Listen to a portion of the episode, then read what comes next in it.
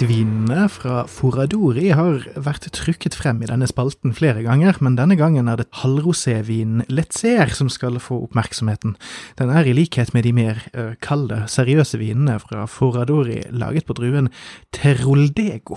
Den tidligste benevnelsen av Teroldego er funnet i et dokument datert 18.1.1480 i Cognola, like ved Trento.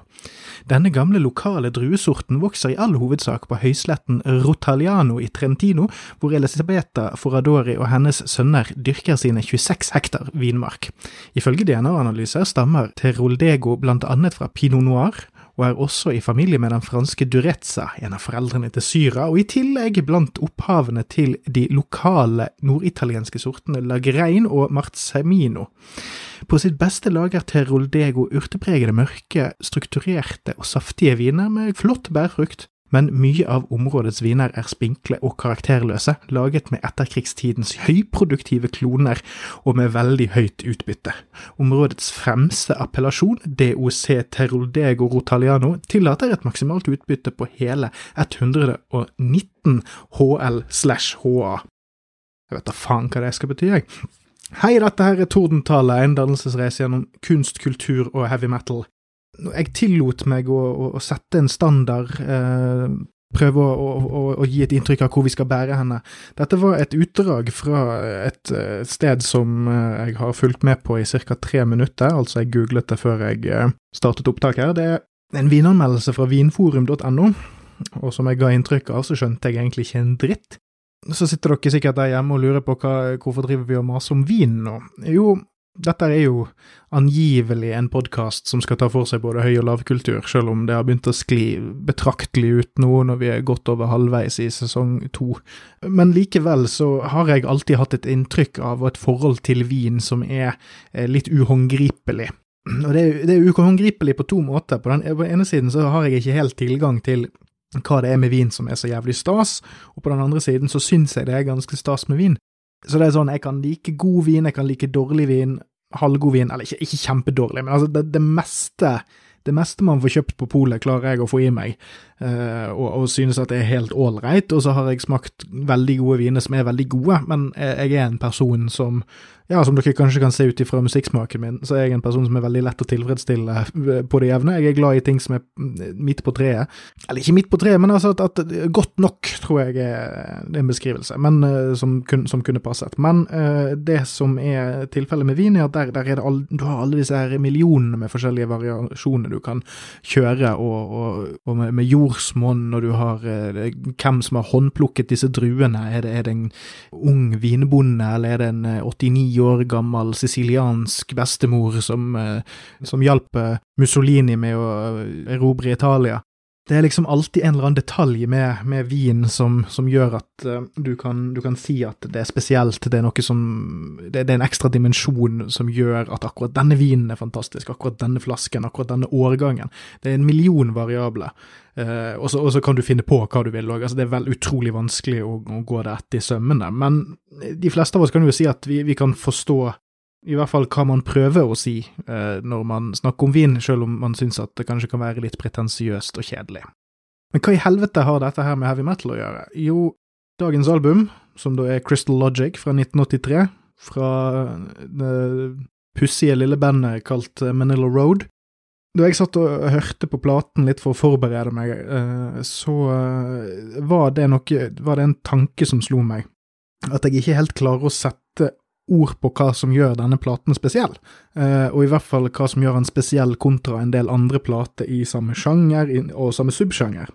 Jeg vil jo for eksempel si at Manila Road som et band er litt vanskelig å pinpointe helt, men de har variert veldig mye fram og tilbake i en slags halvtradisjonell heavy metal-stil, men òg med thrash-elementet, doom-elementet, litt stoner-elementet, men Eh, sånn tematisk sett har holdt seg godt plantet innenfor power metal, uten at uh, selve strukturen på musikken er power metal, men det er innenfor et sånt fantasy, progget, litt tyngre uh, segment av heavyen, men bortsett fra det, altså du, du, kan på en måte kodifisere Manila Road veldig og, og si hva de synger om, og si og ha noen sammenligninger med andre band, og, og, og, på mange måter så høres musikken til Manila Road eh, kjent ut, eh, men den er òg veldig, veldig, veldig unik.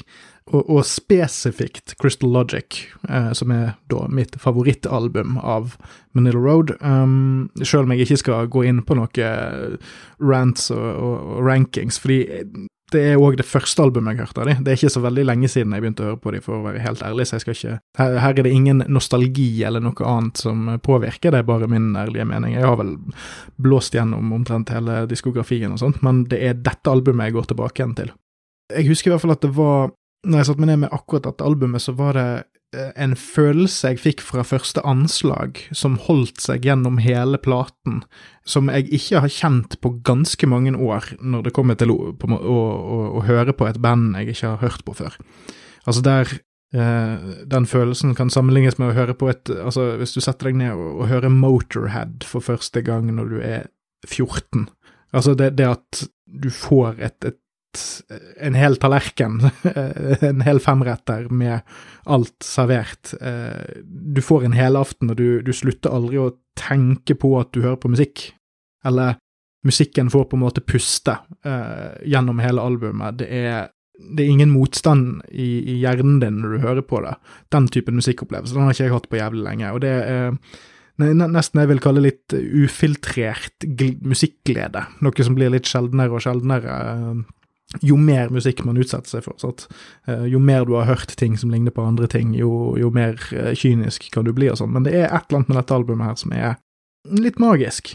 Uh, og, og, igjen, Manila Road har jo vært et, et, sånt band som jeg gjennom store deler av livet har Jeg, jeg har sett navnet Uh, i mange ulike settinger. Altså, altså, nå har jeg vært og kjøpt plate i ulike Når man leser ja, sånne her samler, altså sånne her uh, listeartikler på nett.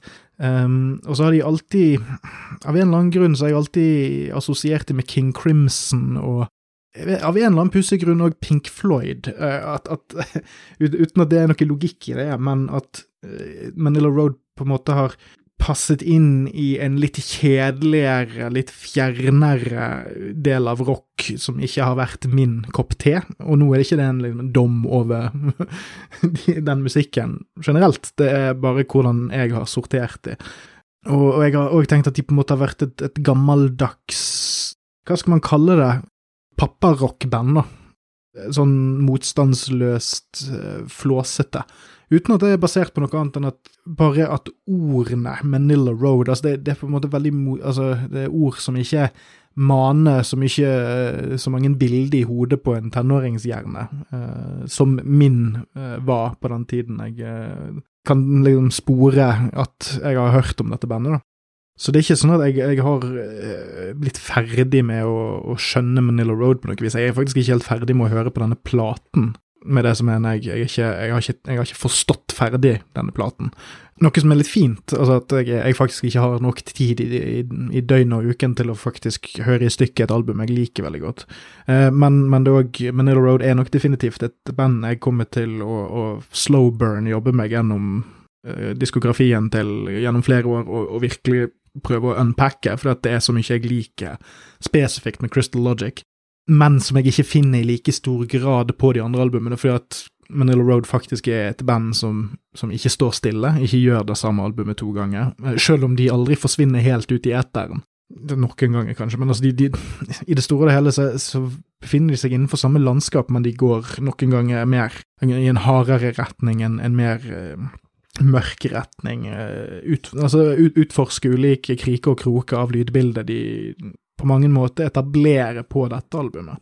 Um, noen vil jo si at uh, for eksempel Open the Gates fra 1985 eller The Deluge, eller De Deluge, eller hvordan enn du uttaler det, fra 1986, er de sterkeste platene til Manila Road, men jeg vil jo hevde at det er Crystal Logic. Og, og, og, eneste grunn til at jeg sier det, er at de to andre platene ikke fanget meg like mye som denne, uh, og at og de er veldig gode, det er ikke det, men òg at jeg fikk et ønske av å høre mer av denne typen Manila Road seinere, og det fikk jeg ikke. Jeg har ikke hørt nok en plate Manila Road har gitt ut etter denne platen som gir meg helt det denne platen gir. Um, så da skal vi prøve å finne litt ut av det i dag, da. Hva, hva er det der? Hva, fordi nå har jeg brukt 20 minutter på å, å, å hause opp denne platen uten egentlig å si så mye om den. Uh, så vi skal prøve å jobbe oss litt gjennom hva, hva er denne magien? Hva er denne krystallogikken? Og så kan vi, vi kan begynne med litt sånn bakteppe her, når vi går videre derifra. Og det er det at Jeg vet ikke om dere vet hvor Kansas ligger, men Kansas er jo en delstat i USA som har ca. 2,9 millioner innbyggere, og ligger smekk i midten av USA. Det som på godt norsk heter bumfuck USA. Altså, det er jo Midtvesten. Det er, det er så langt ifra det som kan kalles folkeskikken på begge kystene. Og det, den er ikke spesielt langt nord, og det er ikke spesielt langt sør. Eh, det ligger vel i nærheten av Nebraska og um, Oklahoma. Eh, og de som eh, liker Supermann, vet jo at det er der han kommer fra, så vi skal ikke rakke så mye ned på, uh, ned på Kansas. Men sant, altså 2,9 millioner innbyggere, det er færre enn Norge. Og så kommer Manila Road fra et sted som heter Wichita, som er en by som har 397 000 innbyggere, som er litt over 100 000 flere enn Bergen. Så i norsk målestokk en storby, men i amerikansk målestokk eh, et lite fillested. I en ganske geografisk stor, men befolkningsmessig liten eh, fillestat. Jeg legger litt vekt på dette fordi det er ikke så jævlig mange metal-band som kommer fra verken Wichita eller Kansas. I hvert fall ikke som man har hørt om, og i hvert fall ikke som har eh, særpreg nok til at man skal gidde å snakke om de så mye. Og jeg, vil, og jeg vil, jeg vil bare at vi skal putte en liten pinn i den infoen til seinere. Så kan vi snakke om besetningen på Crystal Logic, da. Eh, jeg kommer ikke til å orke Altså, nå, nå, får dere bare basics på dette albumet. Jeg gidder ikke å ta noe stor sånn bandhistorikk, for det er egentlig ikke det vi er ute etter. Men uh, på vokal- og seks- og tolvstrengers gitarer og arrangementssiden så har du Mark The Shark Shelton, som er main guyen i Manila Road, han var med fra start til slutt, og det er han som eh, skriver mesteparten av Altså, han skriver tekstene eh, veldig instrumentell i, i, musikken generelt, altså. Eh, så har du Scott Scooter Park, som er, spiller bass. Han var medlem i Manila Road fra 1977 til 1990, så han er, han er med i gullalderen. så har du Rick Ziggy Fisher på tromme og perkusjon, og backing vocals etc. Uh, eh, han var med fra 1979 til 1984, så det du har gående på dette albumet, er uh, en besetning som har jobbet med hverandre i noen år, og, og er litt uh, har litt godfeels i studio, åpenbart, og er en grei unit, merker man. Og så kan jeg legge til at Middle Road eksisterte i to perioder, altså fra 1977 til 1992, og så fra 1994 til 2018, eh, da Mark Shelton døde etter en opptreden i Tyskland, tror jeg det var. Så, så bandet sin levetid fikk en ganske naturlig avslutning. Jeg tror de hadde fortsatt i dag hvis det ikke var for at uh, Shelton døde. Uh, og, og, de fikk en oppsving etter år 2000, så de på en måte kultstatusen hadde tiltatt, da. Så jeg tror grunnen til at jeg sitter her og snakker om Manila Road i dag, er på grunn av at det er noen ildsjeler i undergrunnsmetallmiljøet som har uh, klart å holde denne flammen i, i live. Fordi Manila Road er ikke et spesielt kommersielt uh, tilgjengelig band. Uh, har aldri vært på noen gigantiske labels og har stort sett ikke fått eksponering gjennom annet enn bare entusiasme fra enkelte sånne enklave i miljøet, da. Uh, Crystal Logic er jo da det tredje albumet, som da kom etter Invasion fra 1980 og Metal fra 1982, og jeg, det er nå er det en stund siden jeg hørte de to albumene, men det er en markant forbedring på begge. Og ganske drastisk, vil jeg si òg. Altså sjøl bare på det året fra metal, så er det, det er tightere, det er mer fokusert. Be, bedre på, på de fleste vis. Før, før, vi går i gang, for jeg skal, jeg skal prøve å, å, være litt omgjengelig med, med låtmaterialet her, eh, men før vi går i gang vi, med, med selve musikken, så må vi snakke litt om coveret. Jeg vet ikke hvor mange av dere som vokste opp med Commodore 64 og Amiga 500 og 1200 og alle de typene tidlige hjemmedatamaskiner, eh, men coveret til Crystal Logic minner meg så inn i granskauen om gamle sånne beat them up, hack and slash-spill eh, fra de datakonsollene. gjerne med en dverg og en puppedame og en barbar som rir på noe øgle eller et eller annet sånt. Den, den, den cover-arten du har på den typen spill, sånne tidlige RPG-er som er lagd av et team på tre karer, og så har de budsjett til å betale én fyr som er sånn halvveis god til å tegne. De har råd til å betale han i, i, i to timer. for, for, innsatsen hans. Og det er sånn coveret til Crystal Logic ser ut. Fordi at det er du kan, du kan se at den som har malt det, kan ting, men det virker ikke helt som om de har hatt tid til å gjennomføre det helt. Uh, men uten at det trekker noe fra. Jeg syns faktisk at det er med å, å mane mer mystikk uh, rundt uh, musikkprosjektet Manila Road, bare med hvor forførerisk half-assed det virker til tider. Det, det, er tre barbarer som står på toppen av en, en fjelltopp. En driver og, og samler vann fra en kulp og så renner det en bekk fra denne kulpen på denne fjellsiden som disse barbarene med hestene sine og sverdene sine står på, og så renner det inn i en by eh, som, som, ligger på en åpen slette med tåke, og så altså, bak byen så er det tåke og, og noe fjell i det fjerne, og, og fram mot oss på forsiden ved, ved der denne bekken går, der er det et åpent, et åpent sånn sandlandskap der det stikker krystaller opp fra bakken, det gjør det overalt her.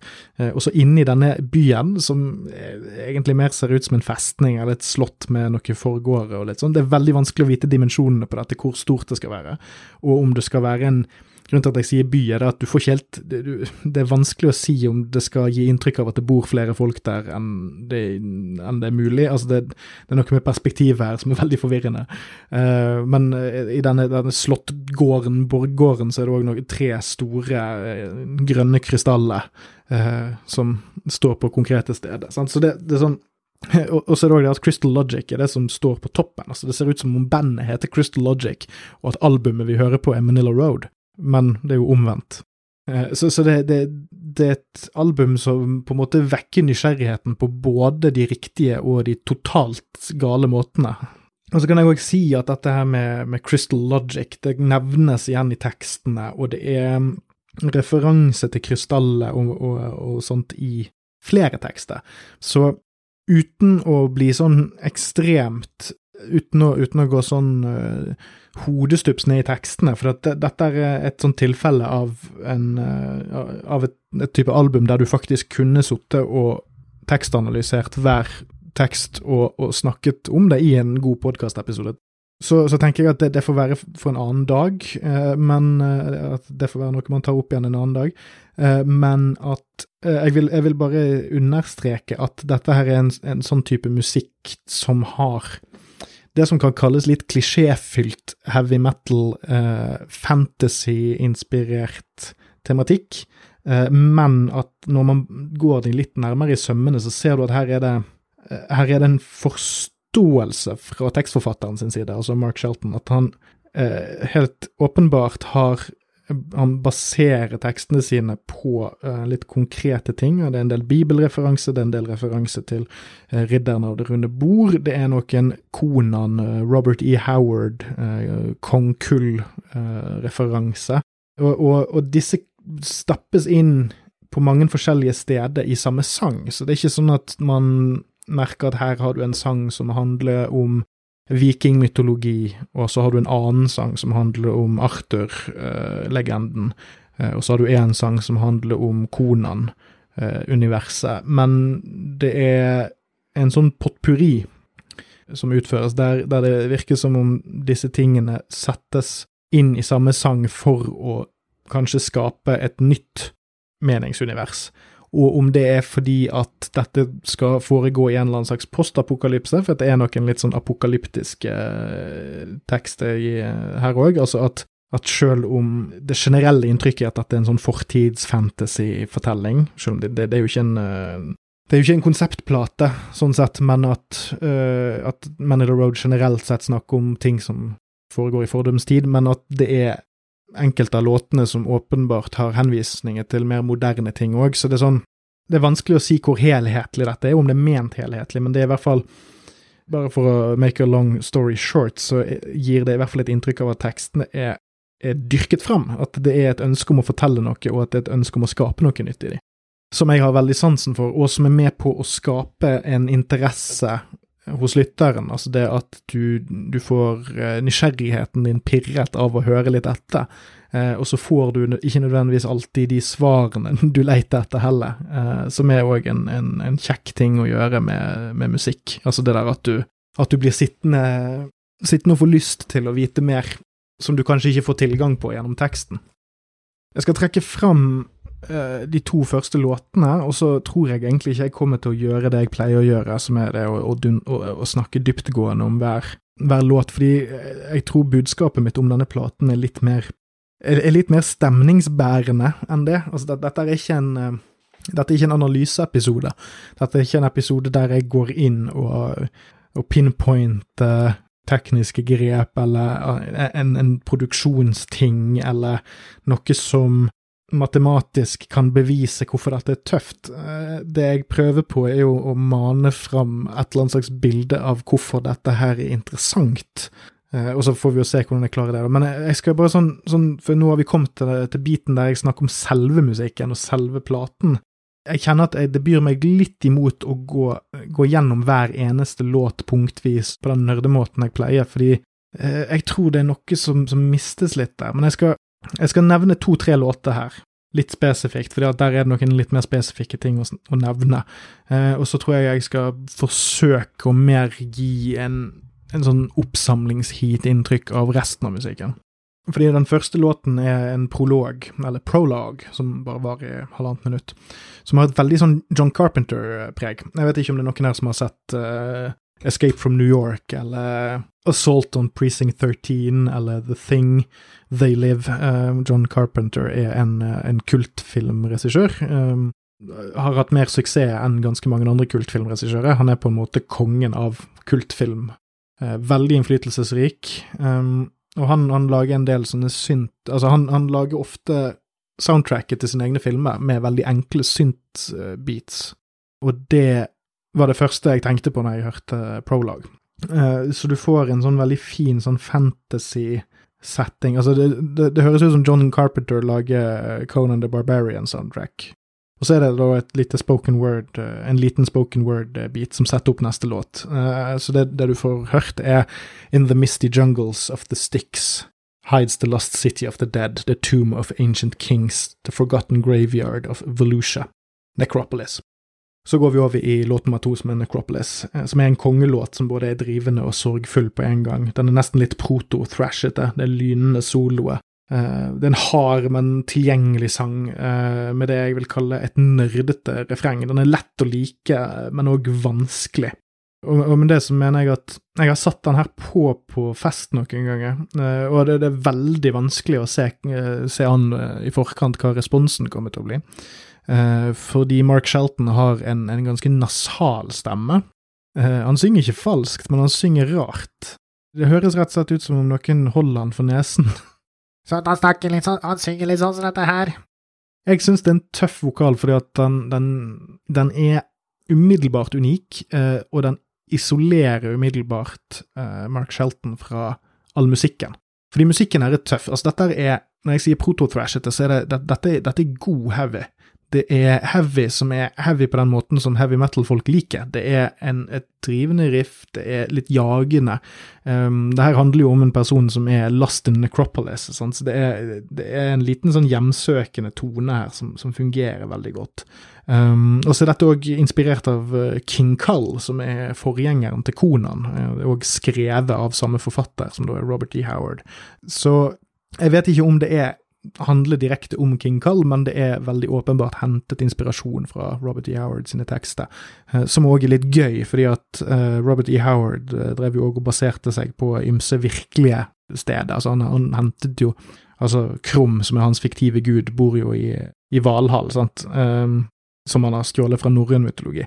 Uh, så hvis uh, Mark Shelton har gjort noe tilsvarende med Manila Road sine tekster, så syns jeg det er ganske tøft. Altså at du får uh, en uh, tjuvlåning fra tjuvlåning fra tjuvlåning. Det er sånn god religion skapes. ja, ikke god religion, men god, god kultur, kanskje. Altså det, det at du, du tjuvlåner de kule bitene av andres verker uh, for å lage din egen greie.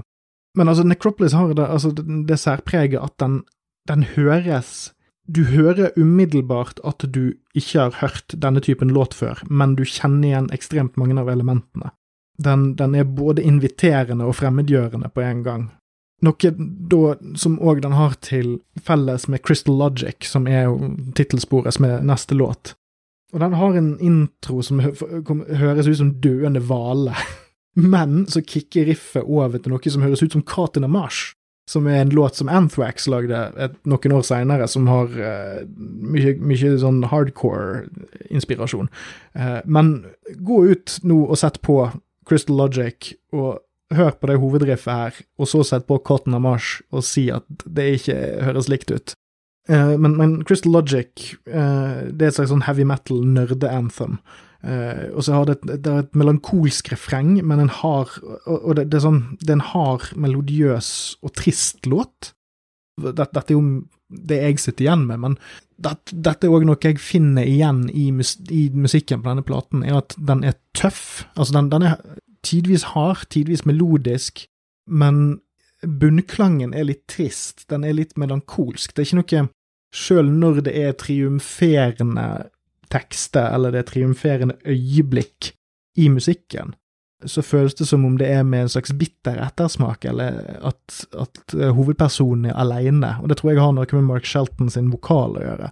At den nettopp er så ikke vakker. det er ikke en vakker stemme, men den fungerer jævlig bra til denne musikken. Det høres ut som han, han synger eh, en, en ballade om et slag som noen tapte, til de pårørende etter det slaget. Eller de pårørende til de som falt i det slaget. Um, ikke, ikke, ikke, nødvendigvis tematisk, men det, altså i stemningen. Uh, i, i, både vokalen og i, i, i tonearten her. Nå det, det, det, er ikke et depressivt album heller. Det er et, et album som er, jeg på mange vis vil si er ganske eh, følelsesmessig rikt. Det, det, det, gir deg mye rom til å både liksom få, få, få, hjertet ditt løftet og få det til å synke, og at det kan være sjelefullt og, og, og herjende og aggressivt og melodisk, men at, at i bunnen så er det noe melankolsk. Uh, så har du en annen sang som heter Flaming Metal Systems, som egentlig er en uh, bonuslåt her, som, egentlig, som har blitt uh, måkt inn med reissues. Nå, nå, bare begynner jeg å hoppe litt rundt på hva enn jeg har i tankene om selve musikken, by the way. Men Flaming Metal Systems er en låt som ikke var med på originalversjonen av Crystal Logic, men som har blitt en del av den seinere. og jeg og min kompis Tore prøvde å finne ut hvorfor den ikke var med på Crystal Logic. Eh, jeg tror vi kom fram til at uten at vi gadd å lete så mye mer opp i det, uh, var at uh, enten var det fordi at Shelton ikke følte at den passet inn, eller at, uh, at plateselskapet ikke følte at den passet inn på platen. For det er ganske åpenbart at den er spilt inn i samme sessions, eller hører til denne perioden. den var vel på en sånn samleplat med forskjellige band. Men det er en knallgod låt som ikke passer inn på dette albumet, for den er litt sånn apokalyptisk. Den er ganske Van Halensk, uten at jeg er så god på Van Halen. Um, sånn sånn uh, mekanisk progressiv. Teknisk briljant uh, låt, og for å si det sånn, uh, for å oppsummere Flaming Metal Systems, så høres det ut som dere vet det bandet jeg alltid snakker om på denne podkasten, det bandet som jeg nå ikke nevner med navn, fordi det begynner å bli litt pinlig. Det bandet, eh, hvis det bandet hadde vært et prog metal-band eh, som skrev sci-fi-tekster, så hadde det kanskje hørtes noe ut som dette, og, og noen skadet vokalisten deres i fjeset.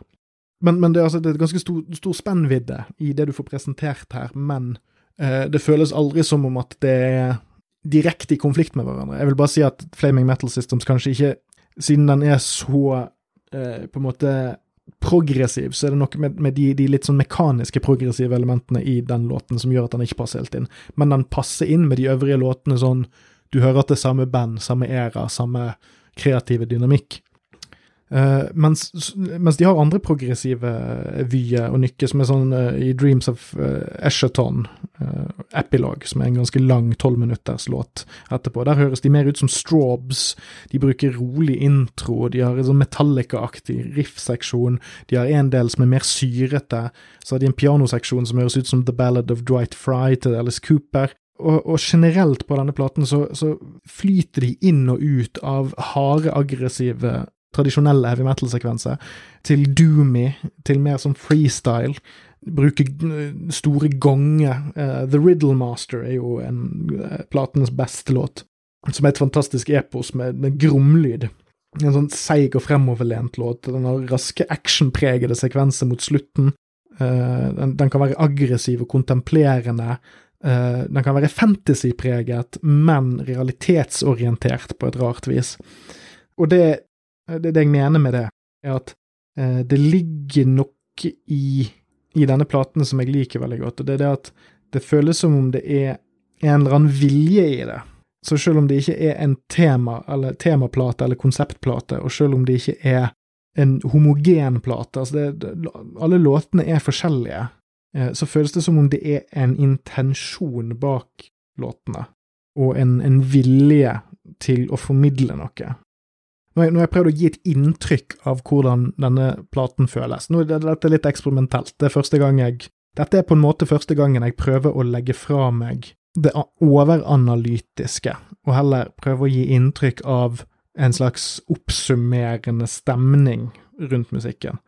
Uh, og, og, for å gå litt vekk fra musikken og ta et sånt overblikksbilde igjen, da, altså på, på hele, hele greien, uh, så er det det at det som òg er interessant her, er at det noen ganger kan kjennes ut som at musikken og teksten nesten opererer uavhengig av hverandre. Og nå, nå mener jeg ikke musikalsk, altså sånn at det er en dissonans, eller at det er falskt, eller at det ikke passer sammen, men at musikken henstiller meg til en stemning som tekstene ikke alltid bidrar til. Så musikken kan gi deg ett inntrykk, altså riffet, bassen, trommene, orkestreringen. Og så kan vokalen gi et helt annet inntrykk. Den kan være, som jeg har sagt, nasal, isolert, triumferende, men aleine. Og så når du da setter sammen disse to elementene her, altså selve musikken og selve vokalen, så skaper det det er ikke nødvendigvis en, en dissonans eller en, en, fremmedgjøring. Altså, det er ikke sånn at når du sitter og hører på det, så er det sånn 'Å, dette passer ikke. Er dette ekkelt.' Øh. Sånn, for det er noen type musikk som kan faktisk fremprovosere det, fordi at hjernen din er skrudd sammen sånn at det leter etter mønstre. Så det finnes jo støymusikk og, og andre subsjangere som aktivt prøver å, å, å plage hjernen din med øh, at du ikke klarer å analysere det du hører på. Så det er ikke det jeg mener. Det er ikke den typen inntrykk jeg, jeg prøver å beskrive, men at det er det er noen motsetninger her som, ja, som fyller hverandre ut.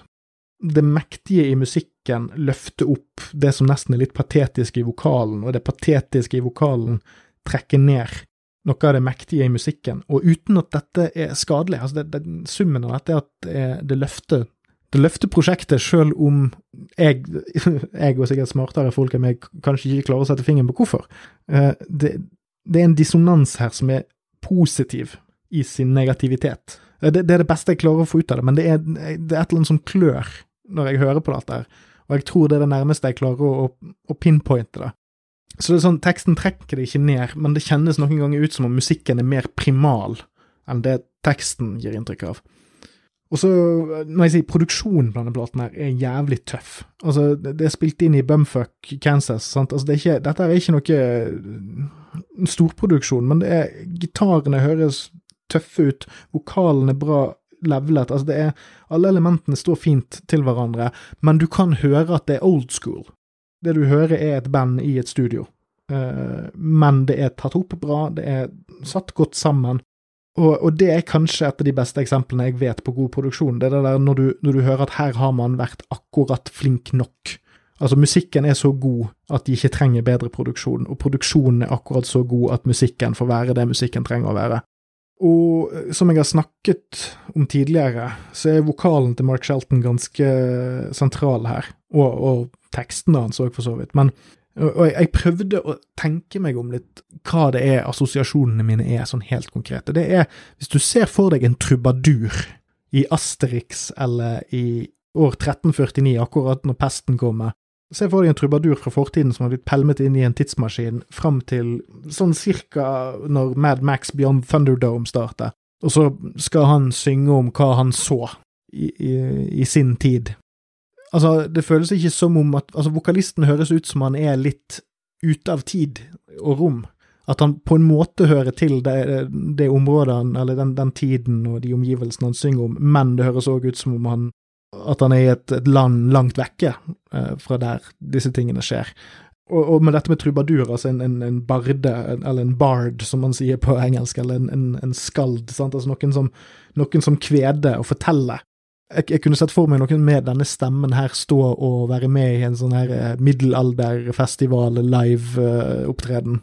Uh, at, altså, stemmen er nasal og flat, men sorgfull. Uh, og nå har jeg snakket veld, veldig mye om den liksom, nasal, nasaliteten hans, men han har et ganske kraftfullt lavere register som, som han kan trykke på med, men det er ikke det han bruker oftest på dette albumet, og jeg lurer på om det er en av grunnene til at jeg liker det så godt. at um, den, den, sårbare delen av registeret hans er det som bærer mesteparten av platen, og så brukes de, de kraften, sånn chest voice, liksom litt røffere rock-metallstemmen, brukes eh, ganske effektfullt, og ikke så ofte. Ikke like ofte. Om jeg skulle oppsummert stemmen hans, så er det det at den er sjelfull på tross av seg sjøl. Altså, det, det, er noe tapt i han, som ja, som, som, som ligger der. Det, det, det, er en eller annen ting som mangler, og det gjør stemmen bra. Og så tror jeg at det som har vært en del av fellestrekkene i det jeg prøver å beskrive med denne eh, platen, er at det, det, er noe isolerende her. Og for å gå litt tilbake med at dette ble gjort i altså, eh, et band fra en, det som er relativt sett i amerikansk eh, kontekst, en liten by i en befolkningsmessig liten, men geografisk stor stat i USA. Så en annen ting som dominerer denne platen, er at den høres, den høres litt, litt for seint ute ut. Uh, I den forstand at hvis du hører på for eksempel altså, thrash metalen som ble gitt ut i 1983, Metallica sin debutplate osv., så, videre, så er det cutting edge. Mens det som kjennetegner Manila Road, er at de høres ut som et 70-tallsband som nettopp har fått noen kopier med Kill 'em All i posten, og blitt uh, jævlig inspirert Eh, men de henger litt igjen på 70-tallet. Eh, spesielt dette fantasy-preget. Det, det, var jo mer populært Altså Selv om det er mange band som òg beholder og gjør mye bra med fantasy-elementene på både 80-, 90- og 2000-tallet, så er det sånn akkurat i 1983 så, så, er det å være inspirert av Konan og, og sci-fi er ikke det som er cutting edge. Men likevel er det noe, noe, noe utappet og stilig med sounden her. Uh, og, og jeg, jeg, tror rett, jeg, tror faktisk det kommer fra at, yes, at, at, bandet og stedet de opererte i, var isolert. Det tok lang tid før, før nyhetene kom til de. Uh, altså, Ikke det sånn at man ikke hadde postgang på den tiden, sant? men altså, man fikk høre ny musikk ved at man enten kjøpte det på platebutikken eller fikk det i, fikk på sånn uh, tape trading i posten. Sant? Du sendte en demo som du hadde en kopi av til noen andre, og så sendte de deg det de hadde på kassett. sant? Um, så jeg tror at det å være midt i USA på det tidspunktet der gjorde at du var litt, uh, litt behind the curve. Men jeg tror òg at det er det som er med og bidrar til hvor unikt dette høres ut, og hvor Ja, altså at når jeg beskriver denne isolerende effekten, så tror jeg kanskje det òg Det kommer nok både av tekstene og sangtalent, litt sånne ting, men jeg tror òg det kan komme bare fra geografisk plassering. Men det er, det er mer enn én ting, i hvert fall, som påvirker dette. Og en annen ting jeg liker, er at Manila Road det er et band som er aggressivt når det må, men det er laidback på en veldig usløv måte. Uh, Crystal Logic er et skarpt album. Altså, det er kvast, men det har veldig mange, vil jeg si, litt sånn uh, hasjrøykende segmenter. Uh, som er litt doomy. Litt sånn Nå bare chiller vi med god groove her, folkens. Men det er skarpt. Altså, musikken er skarp. Den er Eh, den eksisterer. Den, den er ikke tåkete. Den, den, forsvinner ikke. Og så tror jeg at nå når jeg har beskrevet, prøvd å beskrive dette tekstuniverset uten å bli så utrolig konkret, så tror jeg òg at, bare ut ifra det jeg har sett på Crystal Logic, så tror jeg at tekstuniverset her på mange måter kanskje er nærmere eh, Konan-forfatter Robert E. Howard. At det er nærmere hans, om ikke filosofi, så i hvert fall hans må, eh, verdensbygging på enn enkelte andre band jeg har snakket om på denne podkasten før. Uh, Robert E. Howard var fra Texas. Det er jo òg ganske langt fra folkeskikken i USA. Uh, han bodde òg ganske langt ute i Gokk. Uh, han begikk selvmord i ganske ung alder, var tett knyttet til sin mor. Han var sosialt isolert hele livet. og for han så var novellene hans var en måte for han å, å skape mening i, et, i en verden som ikke ville ha noe med han å gjøre det, dette kommer ganske klart fram hvis du leser litt om livet til Robert E. Howard. Det er en ganske fascinerende type. Veldig åpenbart uh, introvert type. Uh, med mange uh, uforløste, maskuline ønsker om verden. Men har, og nå mens jeg sier dette, så sitter jeg og ser ned på en, eh, en samling, en, samling, en, bok jeg har i, i, bokhyllen som heter The Complete Chronicles of Conan. Uh, og det er grunnen til at jeg bruker så mye tid på Robert E. Howard nå, er det at når jeg leser originaltekstene om Conan, altså ikke tegneseriene, men det som faktisk ble skrevet for snart 100 år siden, i et svett og klamt hus i Texas, så er det hvor, hvor fiendtlig verden er i de tekstene, og hvor viktig det er for teksten at Konan, som en vilje, en, en, en mektig og uh, egenrådig karakter, trår inn i disse fortellingene. Fordi at Hvis ikke det hadde vært for en, en handlekraftig barbar med et sverd, så hadde uh, kaos uh, og idioti fått styre disse historiene. Men, men, han kommer inn med en veldig enkel logikk, og det er det at om du er trollmann, eh, demon fra en annen verden, eller en, en korrupt konge, så kan du alltid stoppes med et sverd.